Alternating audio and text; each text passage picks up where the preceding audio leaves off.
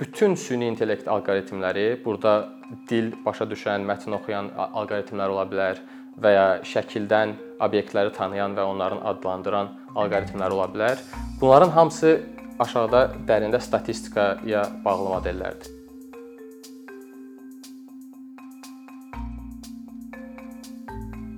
Statistika e, riyaziyyatın bir qoludur. Biz bunun haqqında dərslərdə eşitmişik və ya xəbərlərdə statistik məlumat olaraq bundan eşitmişik. E, amma mənə elə gəlir ona kifayət qədər əhəmiyyət vermirik. E, adicə Bakı Dövlət Universitetinin Riyaziyyat fakültəsində statistika olan sadəcə bir dənə dərs var. Ehtimal nəzəriyyəsi və statistika və burada belə dərsin semestrin sadəcə bir yarısında statistika keçilir. Amma başa düşməliyik ki, statistika riyaziyyatın digər növlərinə baxaraq biraz daha geniş tətbiqi olan bir sahədir. Ona görə bunun əhəmiyyətini haqqında danışacağıq. Deməli mən statistikanın tətbiqlərini 3 yerə bölürəm, sadədən daha mürəkkəbə doğru. Ən birincisi primitiv statistikadır, harda ki bu məlumatların aqreqasiyasıdır. Məsələn, Azərbaycan əhalisinin 35% Bakıda yaşayır, 5% Gəncədədir, 3% Sumqayıtdadır və s. Və ya COVID xəstəliyini götürək. Siz əgər bir COVID xəstəliyinə tutulmuş insanla ünsiyyətdə olsaz, hardasa 5% bu şərti rəqəmdir. Ehtimal var ki, o sizə ötürsün. Düzdür?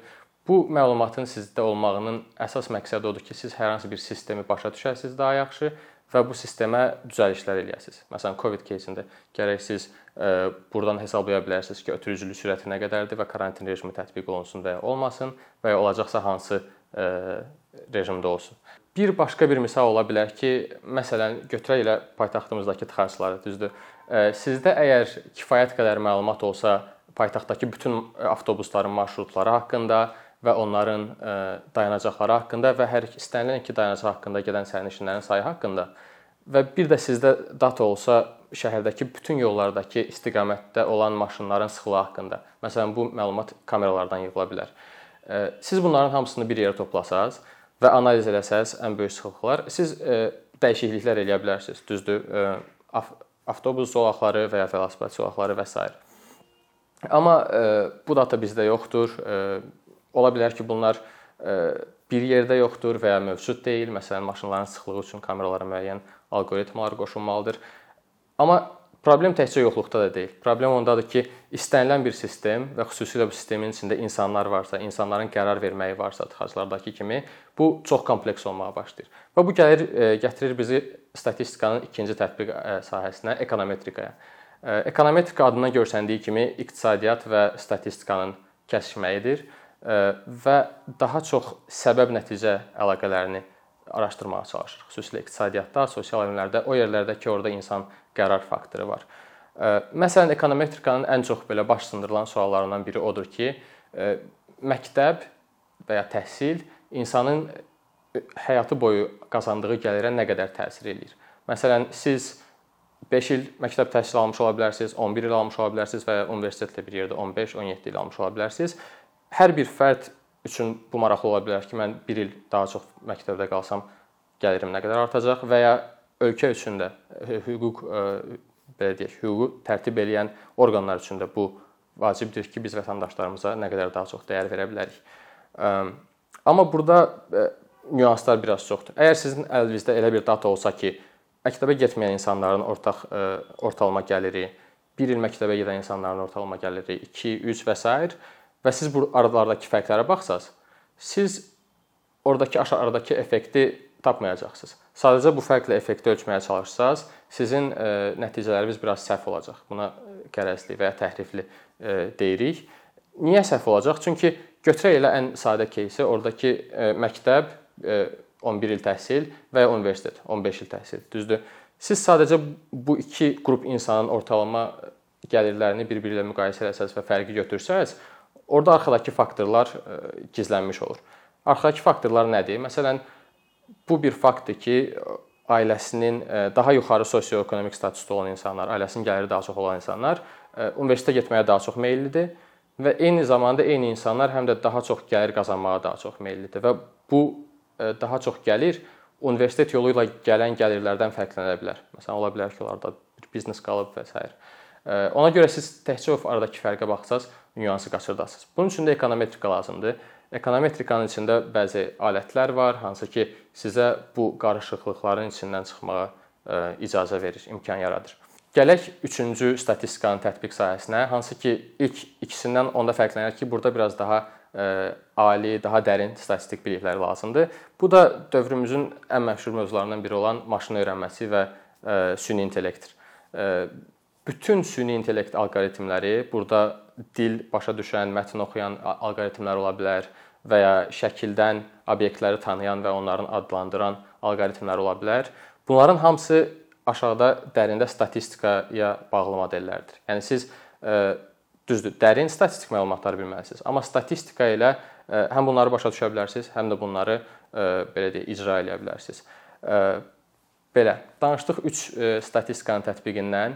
Mənə elə gəlir ki, birinci tətbiq primitiv statistika bu hamıya lazım olan bir şeydir. Ən azından ali təhsili olan hamıda bu statistik belə deyək, yanaşma, statistik bilik olmalıdır ki, ən azından biz statistik yalanlara aldanmayaq. Yəni universitetlərdə istənilən universitetin məncə istənilən fakültəsində primitiv statistika dərsi olmalıdır. Ekonometrika ikinci bir pillə. Bu sosial elmlərdə əgər siz oxuyursunuzsa, iqtisadiyyat, olsun politologiya və ya beynəlxalq əlaqələr, Bu zəruri bir bilikdir artıq. Yəni siz bunsuz e, irəli gedə bilməzsiniz. Çünki istənilən müzakirədəki istənilən bir e, effekt və ya orada e, deyilən rəqəm bunun arxasında bəzi analizlər var ki, siz onları başa düşməlisiniz.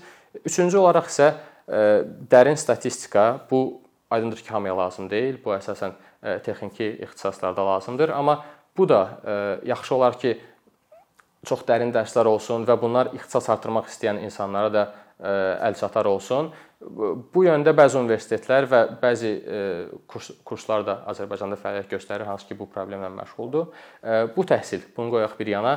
Bir də yaxşı olar ki, dövlət elədiyi hər hansı bir proqramlara, məsələn, yardım proqramları və ya təqaüd proqramları, bunları elədikdə bunları da həm də ekonometrika ilə məşğul olan mütəxəssislər cəlb eləsin ki, həmin o mütəxəssislər o proqramın gedişatı ilə data toplasın və o proqramın nə qədər həqiqətən də data dataya bağlı şəkildə nə qədər pozitiv və ya neqativ effekt verdiyini ölçsünlər. Məsələn, Hindistanda bir sosial proqram keçiriblər. Hindistanda baxıblar ki, bir regionda məktəbə qızlar oğlanlardan çox-çox daha az gəlir və E, təxmin eləyiblər ki, burdakı e, e, effektin bunun səbəbi əsasən məsafə faktorudur. Qızlar üçün məsafə çox uzaq ola bilər, bəlkə onların ailələri fikirləşir ki, bu artıq zaman itkisidir və bunu dəyişmək üçün dövlət qərar verib bu qızlara velosiped hədiyyə eləməyə. Qızlara velosiped hədiyyə eləyiblər, 1 il keçib. Ancaq eyni zamanda bura həm də 2 dənə mütəxəssis cəlb eləyiblər, iqtisadçı, ekonometrika mütəxəssisi və bunlar proqram gedişatı boyunca data toplayıblar və e, proqramın effektivliyini ölçməyə çalışıblar. Nə ehtiyac var bu, bu insanlara? Qızlar həqiqətən də görsənir ki, e, məktəbə daha çox gəlməyə başlayıblar. Amma sadəcə buna e, bu rəqəmə dayanmaq olmaz. Çünki adicə həmin proqram boyunda oğlanlar da məktəbə daha çox getməyə çalışıblar. Bu artıq siz bir neçə illik proqram edirsinizsə, elə trendlər ola bilər ki, onlar qlobal trendlər ola bilər və ya başqa başqa səbəblərdən dolayı ortaya çıxan trendlər ola bilər. Ona görə e, burada istifadə olunan metodlar sadə statistikdir, ekonometrik metodlardır və bunun üçün onlar məqalə yazıblar və bunu e, belə deyək, rəyli jurnallarda dərc ediblər ki, digər ekonometriklər də bunlara baxıb rəy bildirsin. Bunlar e, təhsillə bağlı olan təkliflərdir, belə deyək. Bir ayrı təklif də elə Hindistan misalında görsəndiyi kimi dövlət üçün bir təklifdir ki, dövlət proqramları, belə sosial proqramları, məsələn, təqaüd və ya sosial yardım və ya digər proqramları e, etdikdə, icra etdikdə yaxşı olar ki, onlara həm də mütəxəssislər cəlb eləsin. Ekonometrika mütəxəssisləri, statistika mütəxəssisləri ki, e, onlar bu proqramların effektivliyini ölçsün. Bunlar qısa müddətdə də ola bilər, uzun müddətdə də. Çünki dövlət günün sonunda sonlu resursları olan bir yerdir. Ona görə orada artıq bürokratiya rol oynayır, hansı proqramlar hansı proqramlardan daha üstündür və s. və s. Ona görə burada da statistikanın rolu böyükdür. Elə Hindistan misalında mən bilirəm ki, həmin araşdırmanı edən ekonomistlər də elə həmin Hindistan Hindistan vətəndaşları, Hindistanlılar idi belə deyək. Ona görə mənə elə gəlir ki, belə deyək, təhsil biraz da daha çox rol oynamağa başlayır burada ki, bizdə belə kadrlar yetişsin, ekonometrika bilənlər, yaxşı analiz eləyə bilənlər. Bir də son olaraq bir şey əlavə eləmək istəyərəm ki, açıq data qurumlarda olsa, vətəndaşlar da burada biraz iştirak edə bilərlər. Belə deyək, məsələn, Bakı şəhərinin elə bayaqki danışdığımız nəqliyyat problemi haqqında datalar əgər açıq olsa, deyək ki, tələbələrə yarışmalar keçirilsə ki, tələbələr gəlsin yarışmalarda bu problemi həll etməyə çalışsın, yeni alqoritmləri düzəltməyə çalışsın və beləcə hamı burada bir həll ürətməyə çalışsın. O da mənə elə gəlir ki, bizə çox kömək eləyər.